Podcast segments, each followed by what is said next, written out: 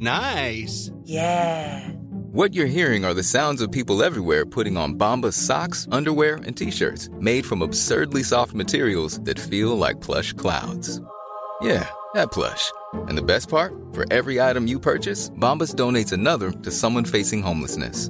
Bombas. Big comfort for everyone. Go to bombas.com slash ACAST and use code ACAST for 20% off your first purchase. That's bombas.com slash ACAST. Code ACAST. Ryan Reynolds here from Mint Mobile. With the price of just about everything going up during inflation, we thought we'd bring our prices down. So to help us, we brought in a reverse auctioneer, which is apparently a thing.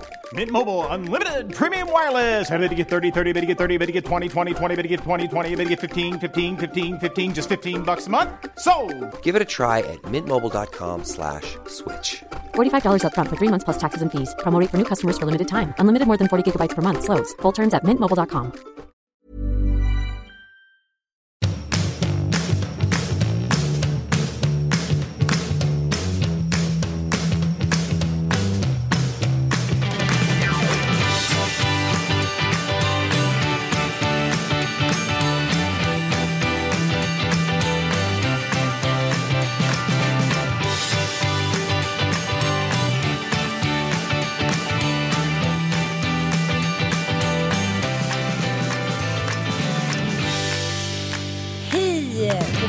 välkomna till Lille Lille Lille Lördag. Som är stor, lille stora uppdrag. Livet är livet är livet kort. Nej, men livet är kort och vi måste fylla det med det bästa vi kan. Är det inte så Anita? Ja, men jag vägrar bli tantilura nu och vissa människor vill ju bli tantiluror nu. Mm. Och det är två olika intressen. Och det är i grunden en intressekonflikt. Ja. Och jag respekterar deras beslut men de respekterar sällan mitt beslut. Varför respekterar de inte ditt beslut? Men kalla det 40-årskris, kalla det vad du vill. Men jag tycker så här. Jag har varit med, jag har levt ett långt liv. Jag hade en ganska stark liksom posse förr i tiden. Sen så gifte jag mig. Jag gjorde mig, eller rättare sagt våra, min exmans posse och min gamla posse var inte helt förenliga. I slutändan var jag svag och valde min exmans posse före mitt eget. Och förlorade dem lite på kuppen där. Eh, så när jag separerade då var jag liksom nollad i umgänge. Och nu efter lång tid, nu har det gått nästan åtta år, har jag byggt upp en jävligt härlig liksom kontaktyta igen med gamla och nya vänner. Och då blir det ju så här att man är så jävla glad och på gång och vill hänga. Och, och det kanske inte är superförenligt, absolut inte alltid med småbarnslivet. Men när ska jag göra det då? Ska jag bli gumma nu och säga så här, tack och hej och hej då? Jag tänker att det är så skilda världar på vissa människor man umgås med. Och det behöver inte handla om att man liksom bor i olika delar av landet eller världen hit och dit.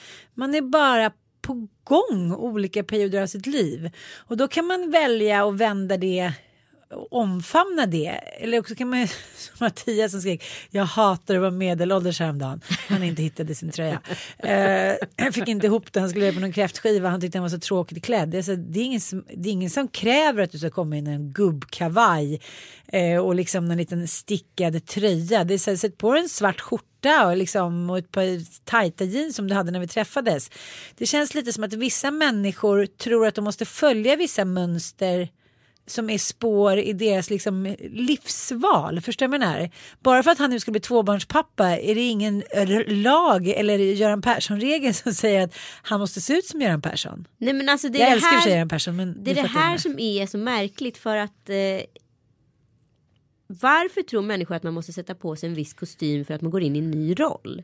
Ja, nu är jag ju småbarnsmamma, då är det väl dags att köpa sitt förkläde eller vad då? Eller förstår du vad jag menar? Nu var Ja, men- det oerhört generaliserande. Men... Jo, jag förstår. Men, men det är också väldigt lätt att kvinnor häcklar kvinnor som då har blivit mammor. Ska hon se ut så där? Ska man klä sig så där efter 40? Alltså det finns ju väldigt många sådana liksom rubriceringar och lite så här slag under bältet kommentarer ofta för kvinnor av kvinnor. Och då blir jag lite så här äh, vem bryr sig? Ibland, jag känner, eller då, ibland, jag känner så himla ofta det. Är inte meningen att de man tycker om och även de man kanske inte tycker om, man vill ju bara att liksom folk ska ha det bra. Det måste ju vara ändå så här ursprungskänslan att man lever liksom i empati och medkänsla. Liksom. Ja, men jag tänker att man, om man ska till en humaniora Ja. så handlar det om att jag tänker att vi alla har i vår kropp att vi vill att liksom de vi älskar och de som vi kanske inte heller känner. Men ursprungskänslan måste ju ändå vara så här alla ska kunna få det bästa livet de kan ha just då. Absolut. Men då kommer här schismen att säga, jaha, ska du gå ut och ha så roligt och jag ska sitta här. Det är ju det som händer när man får småbarn. Men det här är tillbaka till det vi har pratat om tidigare.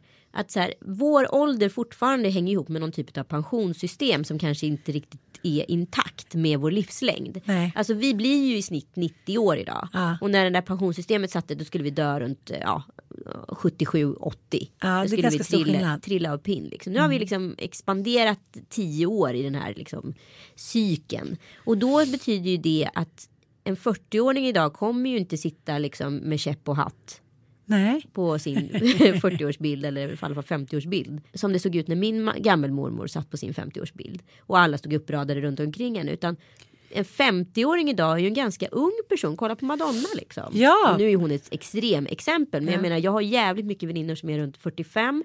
Lika mycket som jag har 20-åringar och uppåt. Och jag tycker inte det är speciellt stor skillnad Nej, på dem. jag Det är exakt samma tramsighetsfaktor. Men jag tror att den här bilden, den historiska bilden, de går inte ihop med det som har skett så snabbt. Nej, och det därför som... måste man adaptera rollen och där blir det ju fel. Ja. För då är det någonting som du egentligen inte känner utan någonting du känner att du är tvungen till. Precis.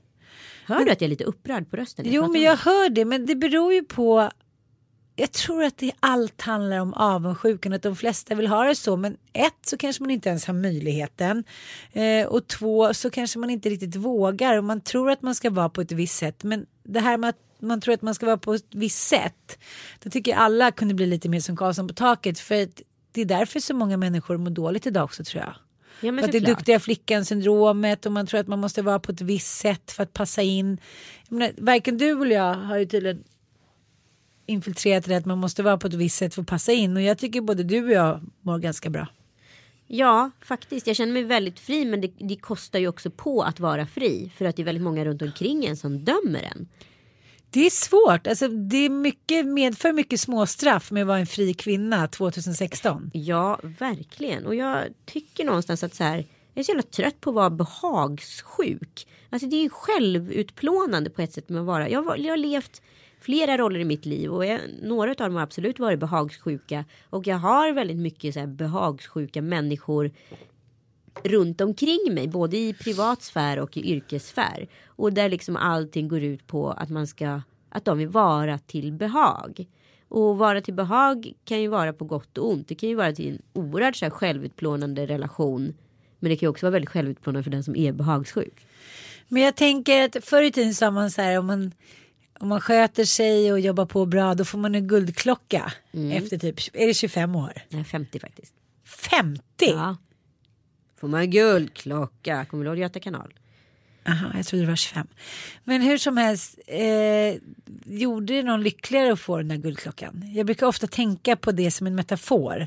Alltså, här, vem tackar dig när du dör typ? Om du inte har levt livet. Nej, men vi hade en kvinna på en gammal arbetsplats som jag jobbade som hade gjort 30 år tror jag i samma tjänst. Och hon var så oerhört stolt för det där. Under tiden alla hennes kollegor på hennes liksom 30 års arbetstjänstkalas bara så här stod tittade på henne med så här tycka synd om blicken. Stackars dig som har varit här i 30 år. Fast det tycker jag också känns lite så här äh, förminskande. Hon kanske älskade sitt jobb och var jättestolt. Så Men det är ju ingen som all- gör det idag. Det är ju det är ju, det är ju en chimär. Ingen kan älska någonting i 30 år. Om vi inte ens kan älska varandra i 30 år. Hur fan ska vi kunna älska ett arbete i 30 år? Jag kommer älska att podda med dig i 30 år. Ja, det skulle väl vara du då. Men jag menar så här, tänk dig en struktur som hela tiden är under förändring. En arbetsplats är ju ständigt under förändring.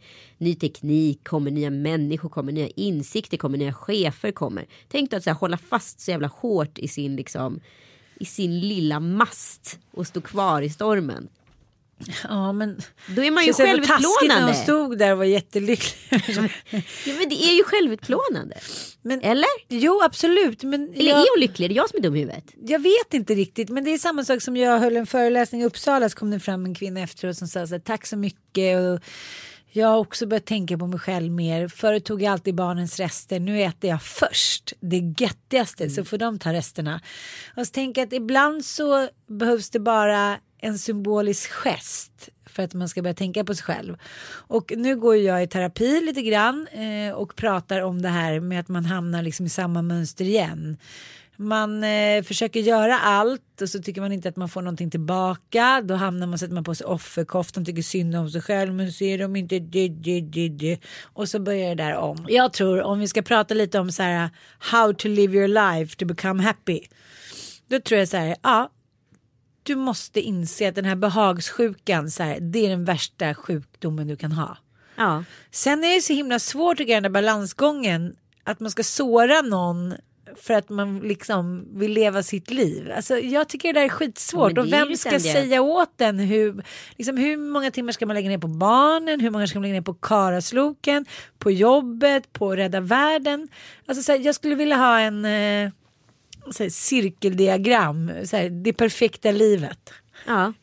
Det kanske du och jag ska ta reda på i vår show den 7 december på kanske vi måste göra. Ja. Får in ditt diagram ändå? Ja. kanske lite bättre förberett än att du ritar upp det på ja, baksidan av en så printad A4. Jo men min terapeut sa också så här. Hon sa att jag och Mattias skulle eh, svara på liksom, värderingsfrågor. Och så sa hon att först ska ni koka ner vilka gemensamma värderingar ni har. Tio stycken och sen ska det bli fem. Och Då sa hon så här, det finns forskning som säger att de som lever efter sina fem största grundvärderingar, de kan aldrig bli utbrända. Är det sant? Ja, var inte det ganska intressant? Så jag återkommer om det när vi har fyllt i det här pappret ikväll. Och vad är då de grundvärderingarna? Vad är kriterierna för dem? Ja men till exempel, eh, eh, nu, nu Är ser jag det, bara det det. individuella grundvärderingar? Precis. Ah. Så man då sen, jag menar, det är klart att han och jag någonstans har några grundvärderingar som vi tycker, ja men man ska så här, vara snälla mot varandra, man ska hjälpa till att uppfylla varandras drömmar, man ska, inte vet jag. Det finns ju ett test som jag fick tips om som heter 16personalities.com som är ett test som man kan göra online. Ska vi göra det testet i podden? Ja, 16 Nu. personalities online. Eh, 16 personalities online. Det är alltså ett personlighetstest där man frågar, eh, frågar liksom eh, You find it difficult to introduce yourself to other people. Så ska man hålla med eller inte hålla med på det. Och så vidare. Alltså vad är most likely helt enkelt. Vad betyder quite tidy? Alltså Lika. ganska upp, eh, alltså vad heter det, stel. Jaha. Ja, jag, jag, jag, fattar. Thirst. Vad är det? Va? T-R-U-T-H. In discussion, thirst should be more important than people's sensitives. Alltså att... eh, Truth. Jag kan inte läsa, förlåt. Hej, hej. Eugen. Dyslexi.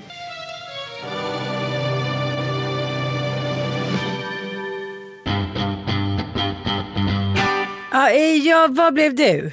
Jag blev då the commander. Commander. Jag blev the campaigner. Vad är en campaigner? Det är en fri själ.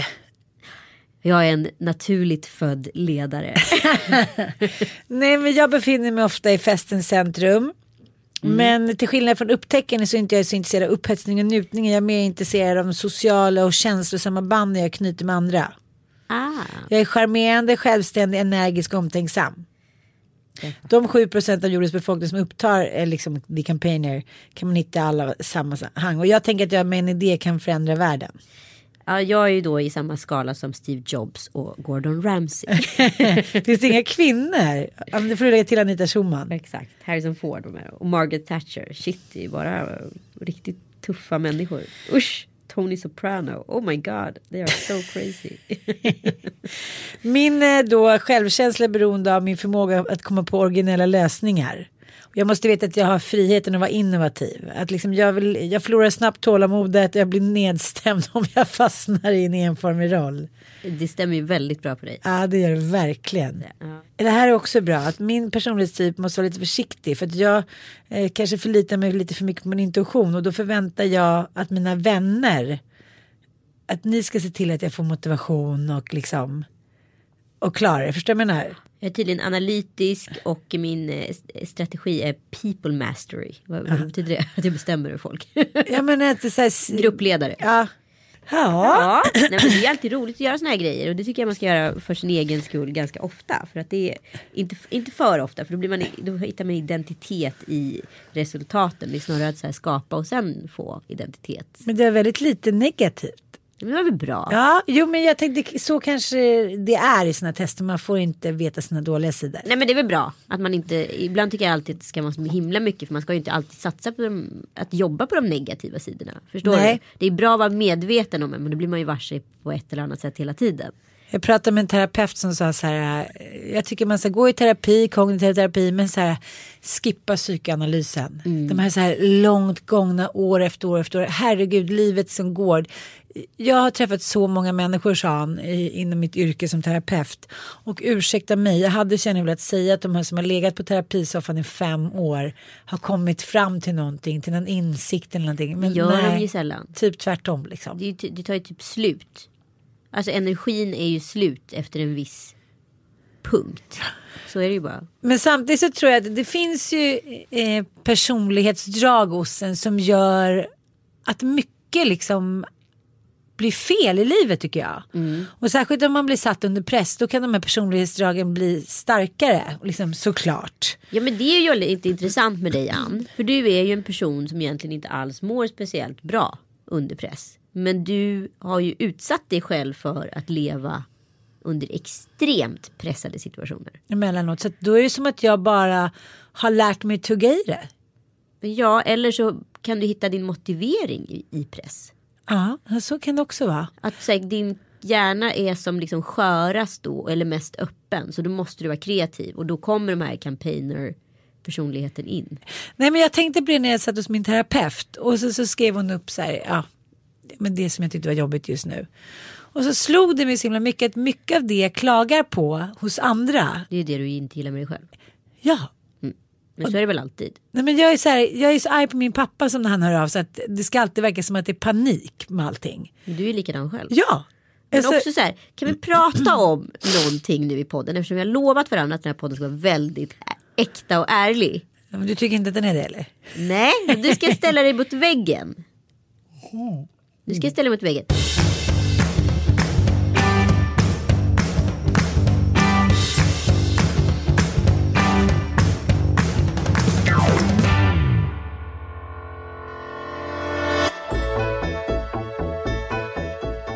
Igår så bestämde vi att vi skulle podda klockan 12. Det här blir jobbigt för dig. Är du med på den här? Ja fast det Men blir det, inte... börja inte försvara nu. Börja Det blir inte... äh, det- nu. nu är det tyst. Ah. Så får du prata sen. Du lovade att vi skulle, börja podda klockan 12 för vi hade egentligen bara en timme på oss att podda för vi ska ut ur studion klockan ett. Och det vet ju både du och jag att det är ju egentligen det är över vår förmåga. Vi kan klara det.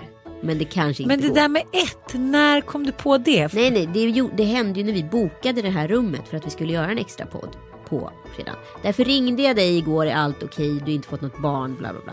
Och jag kollade också med dig klockan 20 över 11 att du skulle vara i tid. Då sa du att du skulle vara på väg och köpte lunch. Ja. Klockan 26 minuter över 12 hade du fortfarande inte kommit till podden. Då sa du att du stod i kö och köpte lunch och sen sa du att du Nej satt i det en gjorde taxi. jag inte 26 över 12 älskling. Nej, men först Nej. sa du då Ja. att du stod i kö och det var lång Det kö. var väldigt lång kö. Ja, men vänta ett tag. Då var klockan redan 10 över 12 när den kön. Det var lite sen. Mm. Ja.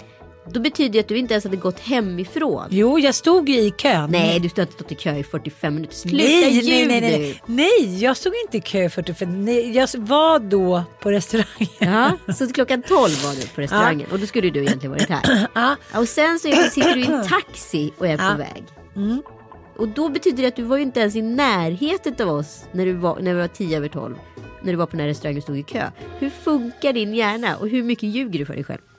Eh, Eller för andra för att få ihop det? nej men det är ju det mest det jag träffar just nu och gör grejer med. Grejen är att jag tänker så här varje morgon. Nej men nu måste jag kasta in handduken inför bebisen. Alltså, så- jag pallar inte mer. Nej. Jag, liksom, jag pallar inte göra en podd, jag pallar inte liksom baka en knodd, jag orkar inte laga en matbit, jag orkar inte liksom signera en bok, jag orkar inte göra en intervju, jag orkar inte göra någonting med barnen. Och så i morse kände jag så här, nej men jag orkar inte det här, jag orkar inte det här. Och så tänker jag så här, att det ska komma någon räddande fe som säger, typ du som ringer och säger så här, men du, du behöver inte. Men det händer ju inte. Såklart. Och det som händer då är att det kommer ingen magisk fe och du ringer inte och säger så här, men älskling du kan ligga hela dagen i sängen, jag vet du ska ju föda vilken dag som helst. Det är klart jag inte gör. Nej det är klart du inte gör, det vet jag Jag är ju Ja. commander. Ja, det är precis. Du vet det, varför. Och du campaigner som bara vill sälja. Ja precis. jag, bara, men om jag, ja, jag kommer lite, stå i tre timmar och då tänker jag att jag ska rädda mig med maten. Fast det tänkte jag inte från början. Men jag tänkte att det blir en räddning. Och så, så bara, ska jag gå ner och hämta bilen. Och, Okej, jag är så nyfiken på det här. På riktigt. Mm. Måste säga, berätta. Ja. Ja, då ska jag gå och hämta bilen. Så då kommer jag snabbt dit. Då har Cesar som har lagat bilen. Han har inte heller kommit i tid. Så helt plötsligt så är jag i ett så här virvar av att jag trodde på ett så magiskt tänkande som inte funkade som du är the commander. Så kommer inte taxin i tid och sen så blir det så här, ja men från att det har varit en liten issue så är det här en bandcentral. Så här, jag vet, det, det är liksom tio Men händelser det i här en. händer ju dig varje dag. Blir du trött på det? Eller får du en kick utav det? Eller för när du kommer hit så kommer du hit med en story. Så när du kommer in så har du, le- levererar du en story. Det är svårt då att vara arg på dig för att du inte är i Ja, tid. För och du det här- vet om det. Ja och det här är, Det här är en strategi. Då, det är nog en strategi och sen så märker jag då som jag sa min 14-åring är ju lite likadan. Mm. Eh, och då vill jag ju svära mig fri från det. Men vilket blir jävligt svårt. Och då tror jag att han är också så här lever i ett magiskt tänkande att så här ingen märker det, ingen bryr sig kanske. Det kanske handlar om att man så här förminskar sig själv. I, men i grunden tror jag det handlar om respekt. Respekt för sig själv, respekt för andra. Där någonstans kommer också ansvar in. Alltså det är många av de här, så här tråkbitarna som vi ofta pratar om. Som landar på det där. Och Mm. jag säger inte att jag som the commander har rätt här. Utan det är ju bara min personlighetstyp. Precis, men jag tänker också att om man ska ändra på det så måste man ju inse vilken personlighetstyp man är. Jag är the visionary. Ja, Ja, och jag då tror att kanske vi jag- kan jobba bra ihop just för att vi har den kombinationen. Och då får jag ju någonstans gilla läget med dig men du måste ju också gilla läget med mig. Ja, men det som jag sa till min son också som, som också blir eh, ett spel mellan till exempel dig och mig. Sen har man ju vissa kompisar som är som mig själv och då utagerar, alltså förstår du, Ja. man kör 50-50 och då kan man liksom aldrig sätta dit den andra. Nej. Typ mina två närmaste är ju så. Det är så här, vi kan aldrig sätta dit varandra för det finns alltid en hållhake. Det blir alltid- helt absurt ibland. För ibland så eh, skenar man ju och eh, liksom lackar ur själv och blir så här, men vad fan. Och då känner man så här, bit i tungan nu, bit i tungan nu. För du kommer aldrig få något gensvar på det där. För att du får inte det. Förstår du? Jag fattar precis. Och det är samma sak med dig. När du kommer för sent eller liksom gör någonting hit och dit. Du vet att jag har snaran runt halsen. Jag bara, ingen fara, ingen fara. Men sen tycker jag också att det är ganska skönt när du kommer för sent. Det är det bästa du vet. Då får du liksom en sån här jävla trumf. Nej, men jag Mina tänk- förseningar kostar ju väldigt mycket mer för mig. Än vad de kostar för dig. Förstår Ja. du? För du gör det så ofta. Precis. Så en så här försening det är ju liksom 10 poäng i ett datorspel. Men nu måste jag, har jag bestämt mig för att jag ska bli en väldigt bra förebild för min 14-åring. Kan man bestämma sig för det eller är man det? Eh, jag hatar en kommentar som jag samtidigt omfamnar. Det är så här, du kan inte förändra någon annan än dig själv. På ett sätt är det ju så, men på ett sätt så kan jag ju inte förändra dig. Men du och jag kan ju samarbeta till en gemensam förändring. Det är ju inte så här att jag blir kär i dig och sen så får, kommer du aldrig ändra dig på dina dåliga beteenden. Då kommer jag ju lämna dig och vice versa. Men eh, det är det också blir så uppenbart för mig. Det som jag har varit på Mattias väldigt mycket för. Så här, ja, men det, det, det, det. Det ser jag när jag målas upp min personlighetskarta där hos terapeuten. Att det som jag blir arg på hos andra är ju samma sak som jag gör mot dem själv. Varför skulle inte de hamna i samma liksom, trängda situation då? Ja. Det är som min pappa kan vara så här, hjälp, hjälp, eh, panik, panik, har tappat det här eller hit och dit. Jag blir så här, men gör inte så här mot mig. Ring mig och säg det eller så här, leverera det liksom inslaget i ett snyggare paket. Men sen så tänker jag på själv, så sa jag det till Mattias igår, om jag liksom har tappat någonting, så, men vad är passen? Alltså direkt så blir det liksom stresskontroll och då vill jag att någon annan ska rädda mig. Ja. Och då tänker jag på de här de fem, eh, eh, de fem grundvärderingarna som man ska koka ner då enligt det här liksom testet som min terapeut har. Att jag tänker att jag ska verkligen göra det och sen ska jag försöka leva Alltså, jag ska förenkla mitt liv. Mm. Jag ska liksom på något sätt lobotomera mig och indoktrinera mig själv med de fem grundvärderingarna. Och så ska jag leva efter dem. Ja. Och så ska jag se om saker och ting förändras. Förstår du vad jag menar? Ja, jag bara känner att så här, det kanske inte är rätt väg att gå för dig. För det är ju en utav så här, visionärens liksom, så här, starta upp-projekt som inte kommer landa någonstans. Jag tänker att så här, om du ska bli en förebild Ann, då måste du ju börja med dig själv. Ja men jag säger ju det. Ja, fast hur gör du det? Ska du göra någonting som är så långt i bort ifrån dig? Det är som att du ska bestiga Mount Everest. Kan du inte börja med liksom så här småskaliga grejer? Ja, men, var inte det små. Du menar att det här med grundvärderingar det är för stort? Det är för stora projekt och då blir det liksom, då blir det så här, nu ska jag ta mig över en kulle. Äh, men då skiter jag i det imorgon istället. Jag kan göra det här lilla istället. Gud vad var det där för roligt som hände där borta. Hej då! Och sen så är det inte så mycket mer Okej, med men det. jag, då utmanar jag dig här nu Mm. i podden. Till nästa podd. Varför då? Men hur många gånger har du utmanat mig Nej, i men podden det- och så men blir det så här, "Ah, jag vill ha sexiga underkläder. ska jag utmana." ja, alltså lilla hycklerskan.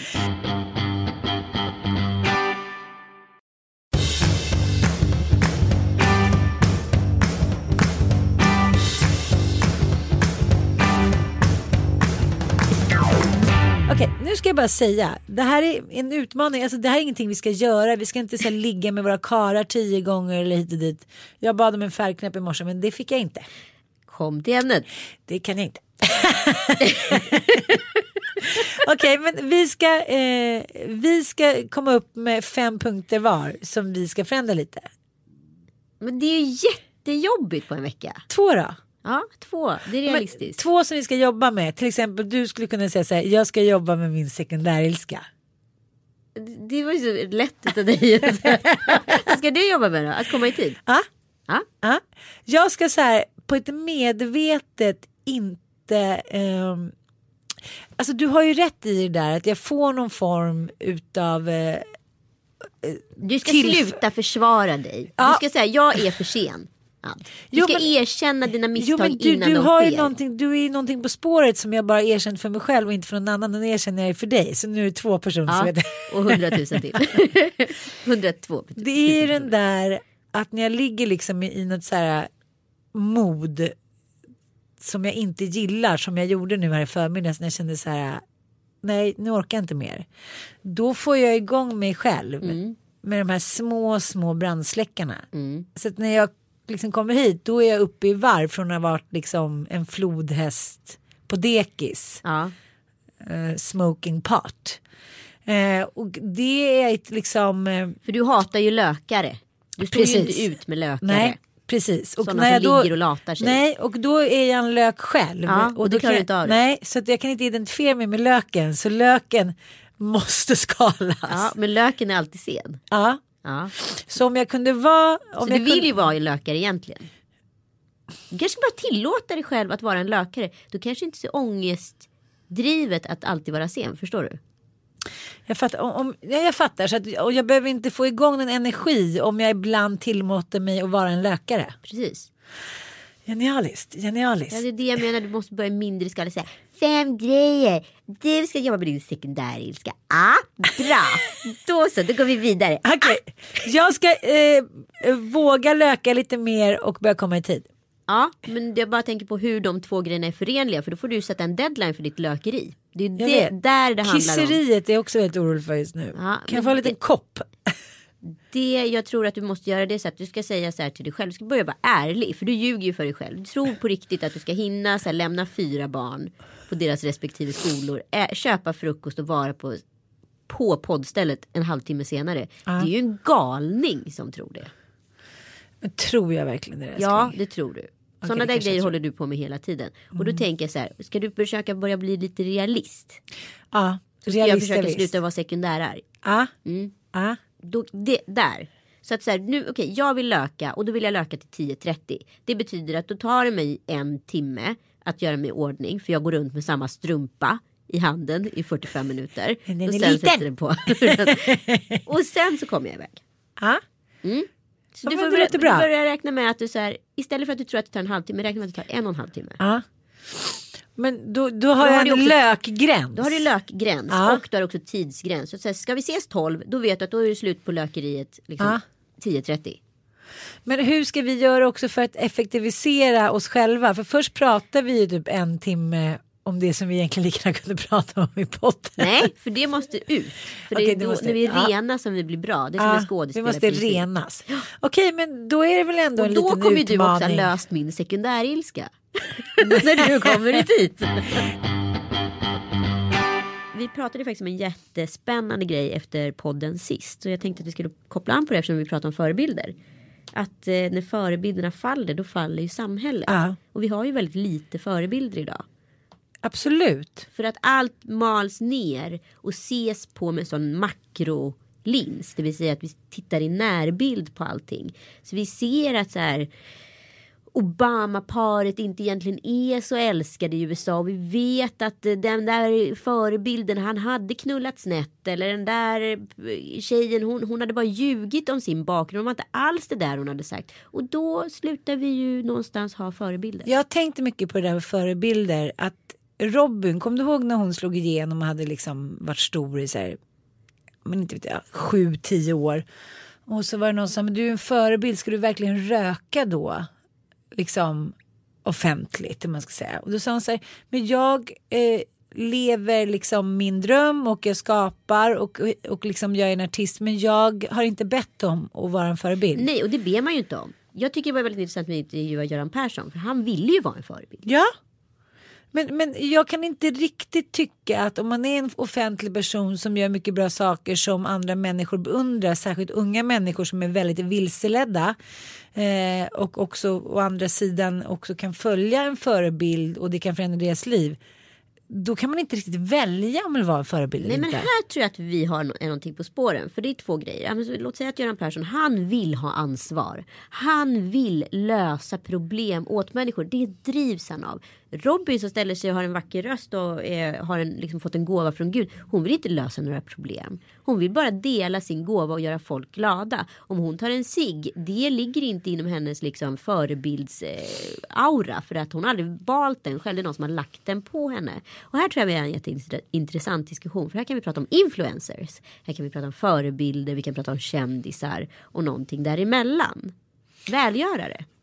Men jag tror man måste kategorisera mer. Ja, jag tror att precis som du säger, man måste också sätta in dem i olika fack, de här förebilderna. Men samtidigt så är det så här, förr i tiden innan till exempel sociala medier, innan pressen eh, etiskt vågade börja skvallra utan att liksom eh, bli ansedda att vara eh, liksom assholes. Jag tänker på en sån snubbe som kungen Ja. som eh, är uppfostrad i väldigt skyddad miljö utan sin pappa med sina systrar. Han har ju Eh, ärvt ett förebildskap. Precis. Inget som han själv har valt. Nej jag vet men han tar det på fullast allvar. Ja. Han kunde också lika gärna känna så här, nej men vadå, sånt kan man inte ärva. Men då skulle han vara tvungen att avgå som kung. Exakt.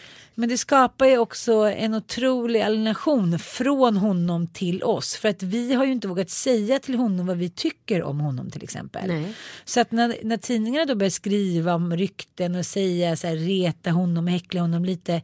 Vilket man skulle gjort med alla kungar alla århundraden för alla är, har fel och brister och inte perfekta. Då måste han ju hamna i en chock. För det är ingen som har sagt honom, han har aldrig haft någon spegelbild. Så han tror att han är kejsarens nya kläder. Att han går omkring på naken på stan och alla säger så här, gud vad du är fin, vilken vacker dräkt du har full med guld och opaler. Jaha, jaha, för han har ingen som speglar honom eller som säger honom sanningen. Jag tror, jag tror vi har ett dilemma här. För att så här, tillbaka till Göran Persson då som har valt att ta ett ansvar. Kungen i, i vårt fall har ju ärvt ett ansvar. Men han känner sig som Robin som är en talent. Som har en gåva. Förstår du? Och här hamnar ju han i ett liksom moraliskt dilemma. För att han har ju alltså ärvt ett ansvar. Men vill bara vara härlig och göra folk glada. Han, har fått, han har en inre agenda som Robin.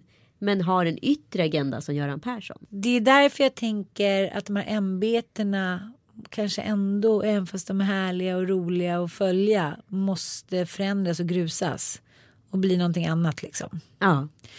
Men eh, samtidigt så lever vi i en värld som är svartare och mörkare och dystrare än någonsin där det inte finns några fairy tales. Så å ena sidan så måste de försvinna. Å andra sidan så måste de finnas kvar. Men jag tänker väldigt mycket på nu, för nu börjar man ju ändå, nu har jag ändå liksom, vi har gått in sex år, vi går snart in i sjunde året på det här decenniet.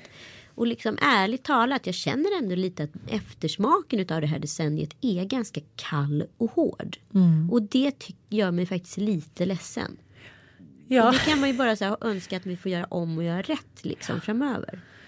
Men vi är väldigt ärliga i podden och vi bjuder ju mycket på oss själva. Men det är klart att man har sina hemliga rum och innersta rum där det är mycket skit och skam och skuld och som man liksom aldrig skulle kunna berätta för då skulle folk säga okej, men jag tror vi stänger av den här podden. Och så tror jag att alla har det. Men det, man är också så chanslös idag om man ska bli politiker och man ska vara perfekt. För att det finns ju ingen som är det, men förr i tiden så fick ju ingen reda på det.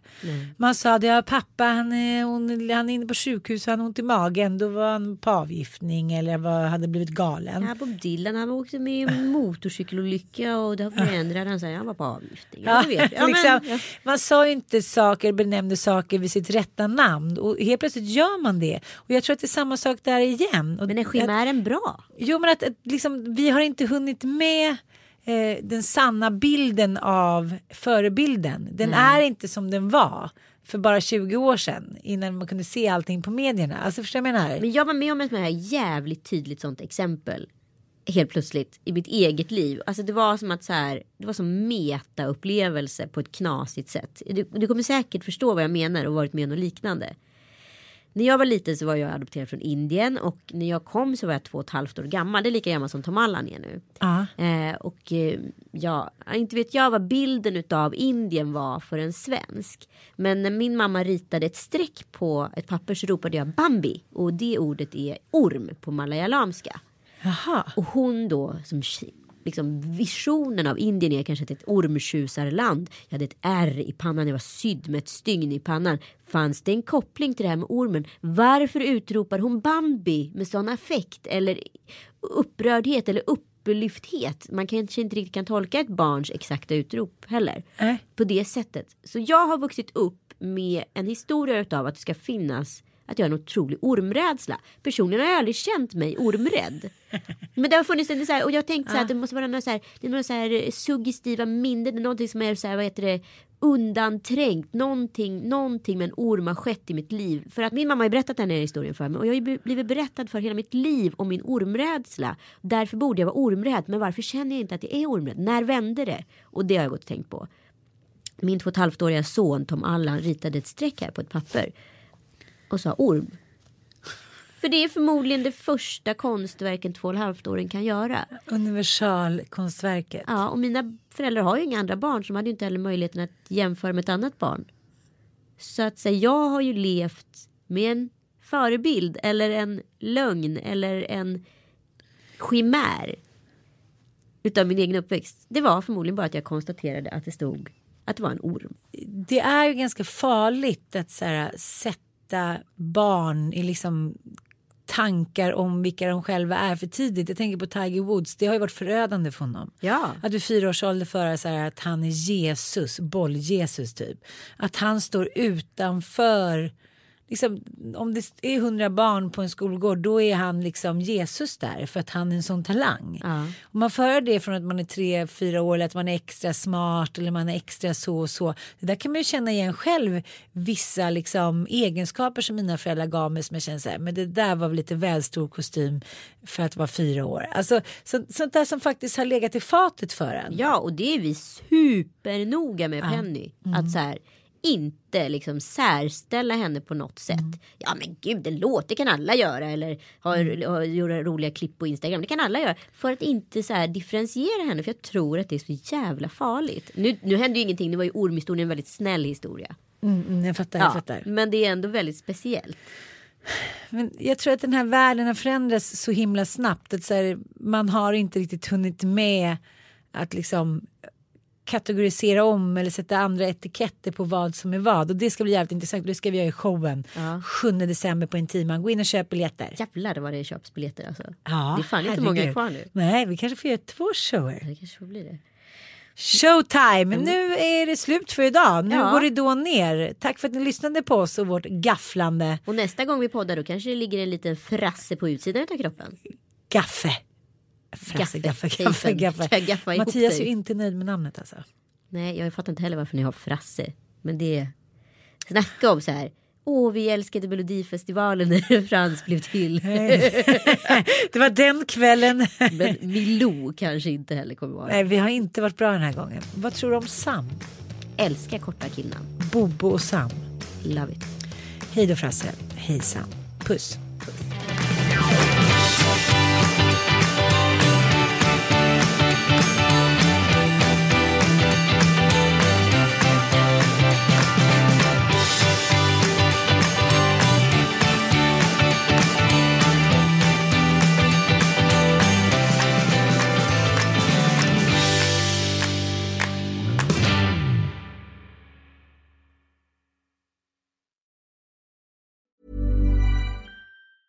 Hi, I'm Daniel, founder of Pretty Litter. Did you know cats tend to hide symptoms of sickness and pain? I learned this the hard way after losing my cat, Gingy. So I created Pretty Litter, a health monitoring litter that helps detect early signs of illness by changing colors, saving you money and potentially your cat's life. Pretty Litter is veterinarian developed, and it's the easiest way to keep tabs on your fur baby's health right at home. Go to prettylitter.com and use code ACAST for 20% off your first order and a free cat toy. Terms and conditions apply. See site for details. Planning for your next trip?